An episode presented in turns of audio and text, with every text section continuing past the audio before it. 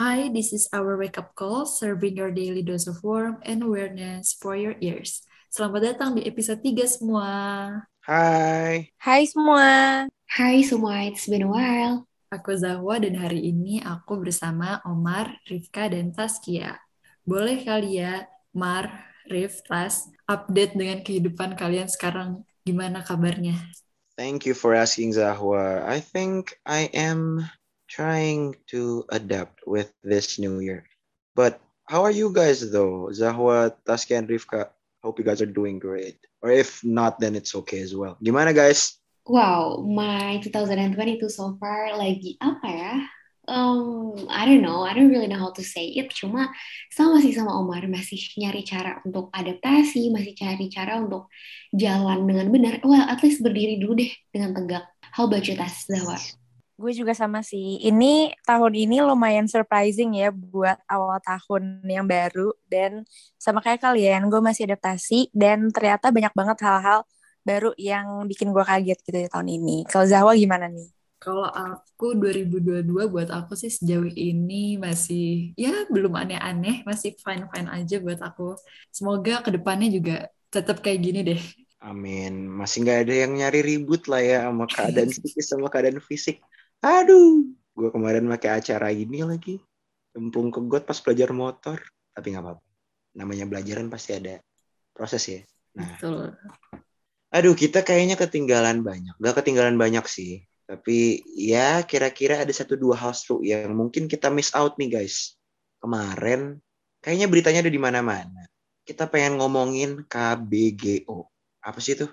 Wow, KBGO. Sebenarnya ini kata yang apa Bukan kata baru, cuma baru-baru ini aja ya Mar banyak dipakai di berita atau di conversation antara apa ya sesama teman. Kalian tahu gak sih guys KBGO itu apa? Nah, kalau yang gue sendiri tahu tentang KBGO tuh, KBGO itu adalah salah satu jenis kekerasan yang dilakukan secara online antara satu gender dan gender lainnya. Di mana salah satu gender ini merasa memiliki kuasa antara gender lainnya sehingga dia melakukan kekerasan itu gitu. Contohnya kalau misalnya kalian sering lihat nih di media sosial kayak di Twitter atau mungkin di platform yang lebih private kayak Line atau WhatsApp, suka ada tuh yang nyebar-nyebarin foto yang gak senonoh gitu. Foto yang biasanya mencakup orang lain yang mungkin bisa dibilang ada di ranah intim gitu ya. Dan itu biasanya adalah hal yang termasuk kekerasan karena di sini pelaku menyebarkan foto tersebut untuk bikin korbannya yang ada di gender lain itu merasa tertekan, merasa nggak nyaman dan lain-lain. Itu salah satu contoh dari KBGO. Sejauh ini yang gue tahu tentang KBGO mungkin itu sih. Kalau yang lain gimana? Selain yang ta- udah Taskia tadi sebutin, ada juga contoh-contoh bentuk kekerasan berbasis gender online yang lain nih.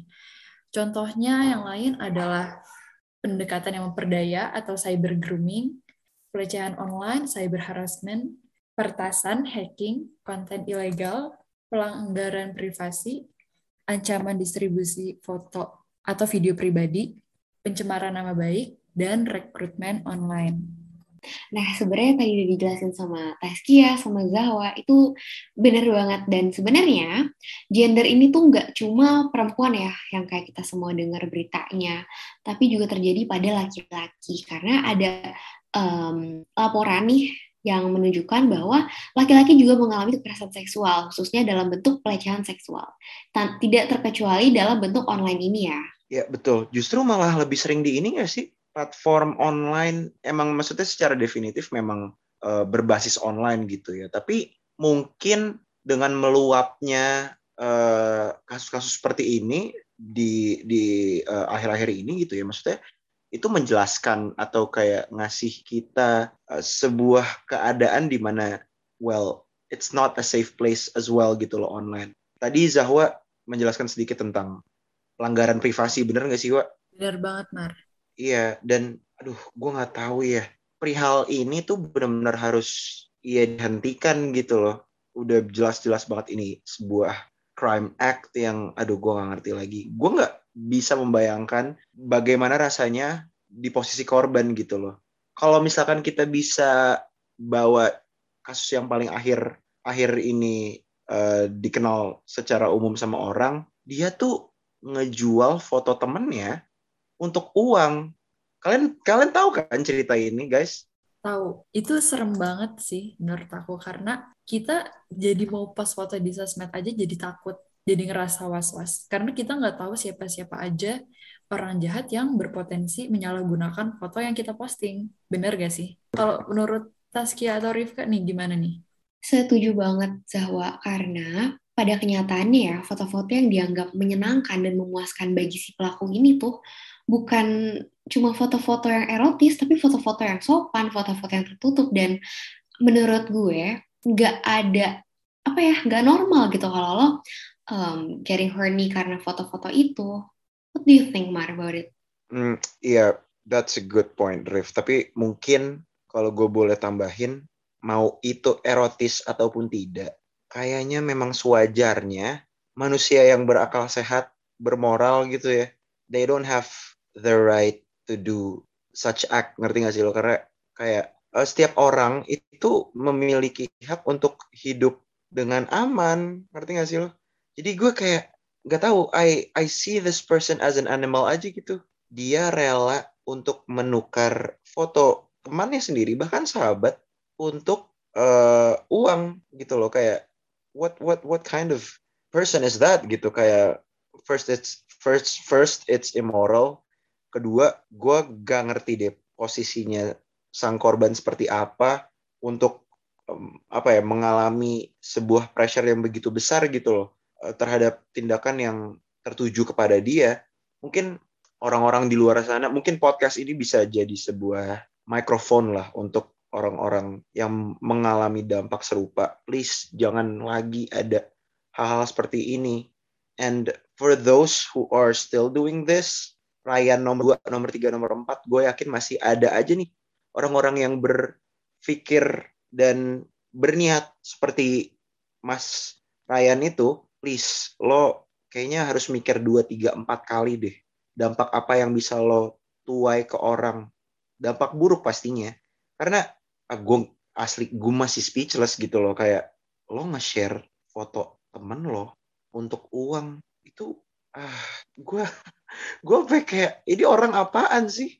Gitu loh aja sih menurut gue. Yes gue setuju banget. Dan menurut gue ya Mar gak ada hal yang bisa dijadikan alasan untuk kita menjustifikasi perbuatan tersebut terlepas dari apa pun itu right? Setuju banget. Dan perlu gue highlight nih ya, si Ryan ini dia nggak cuma ngejual foto yang menurut kita semua ya, bahkan foto yang bisa bilang tadi nggak erotis, foto yang biasa aja. Dia juga jual nomor temennya gitu ya. Menurut gue itu benar-benar sangat tidak etis. Gimana sih uh, kita sebagai perempuan ya terutama mungkin yang bisa rawan banget menjadi korban KBGO ini, kita jadi gimana caranya jadi percaya sama teman sendiri, gimana caranya jadi percaya sama orang-orang sekitar kita. Kalau kasus-kasus seperti ini aja tuh masih bakal banyak lagi ke depannya.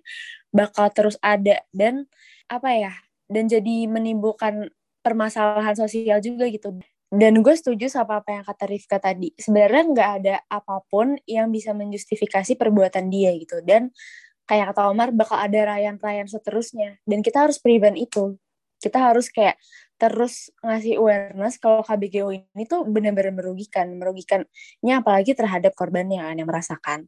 Kayak itu mungkin dampaknya nggak cuman sekarang aja, tapi bisa jadi jangka panjang dan bikin korban jadi nggak percaya, jadi mudah takut kalau mau ngepost foto, takut mau bagiin nomornya ke siapa pun dan jadinya bakal ya implikasinya tuh banyak banget. Kalau menurut Zawa gimana? Bener banget yang udah disebutin Omar, Taskia, dan Rifka tadi. Dan ini juga kenapa dalam mencegah KBGO ini tuh nggak cuma harus melindungi data pribadi kita gitu. Contohnya kayak mengaktifkan verifikasi dua langkah atau nggak asal klik-klik link gak jelas, jaga password. Kita juga harus bisa mengedukasi cara pandang masyarakat terkait masalah ini, terkait relasi gender dan seksual dengan korban. Supaya yang lain juga bisa belajar kalau perbuatan ini tuh salah. Perbuatan ini tuh nggak bisa dinormalisasikan. Hmm, bener juga sih kata lo, tapi kayaknya gue punya pandangan yang kayaknya lebih uh, ini deh, wah, lebih lengkap aja gitu. Menurut gue, berhati-hati itu penting, tapi jangan sampai perasaan berhati-hati itu menghalangi lo untuk bisa berekspresi secara bebas gitu hal ini sangat penting untuk bisa diingat sama setiap orang. Ketika a human being was born in this world, they have the right to be expressive and and and live their life as what they wish gitu loh. Jadi kayak menurut gue justru fokusnya well yeah at one side being careful is important but on the other half the most important one hal yang lebih penting menurut gue adalah gimana caranya kita bisa menjaga dan menghormati orang lain. Dalam konteks ini ya jangan melakukan hal-hal yang yang kayak gitu ngerti gak sih lo? Kayak jangan don't don't threaten people's uh, freedom to be expressive gitu. Atau ya udah jangan melakukan hal-hal tindakan kriminal kayak gitu. Karena dengan begitu lo melanggar hak asasi orang dalam menjalani hidupnya secara bebas bagi gue kayak gitu ya. Karena kalau misalkan kita disuruh hati-hati terus mau sampai kapan itu kedua kasusnya nggak kelar-kelar.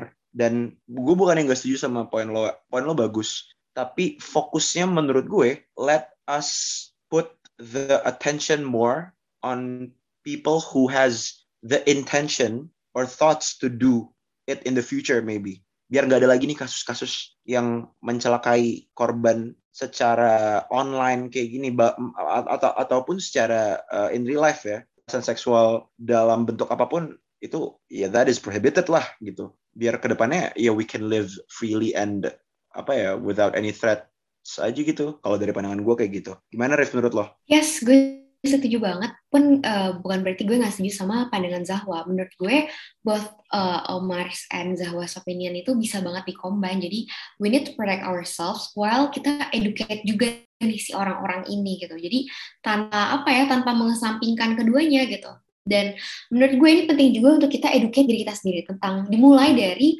apa sih kekerasan seksual itu, apa sih KBGO itu, bentuk-bentuknya itu apa aja ya. Terus kira-kira kalau ada uh, terjadi KBGO di lingkungan kita, entah itu terjadi ke diri kita sendiri atau ke orang lain, kita bisa bantu gitu, bisa cari pertolongan, bisa apa ya mungkin dimulai dari nyimpen nomor-nomor yang diperlukan. Terus juga um, tahu nih ke mana harus ngelapor dan apa aja yang harus dilakukan.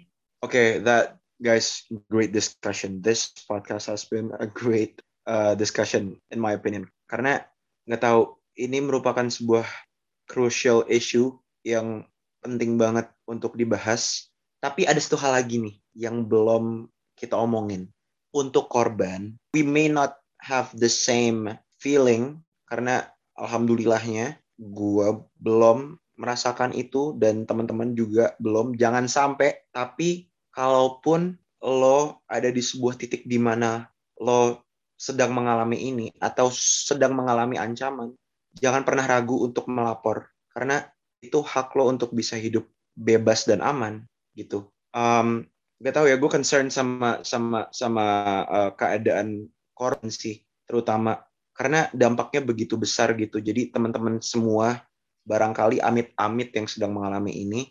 I know it's tough. I know it's very, very uh, disturbing for yourself, but try your best. Try the hardest for you to confess about what you're actually feeling, because we we never know what going on out there.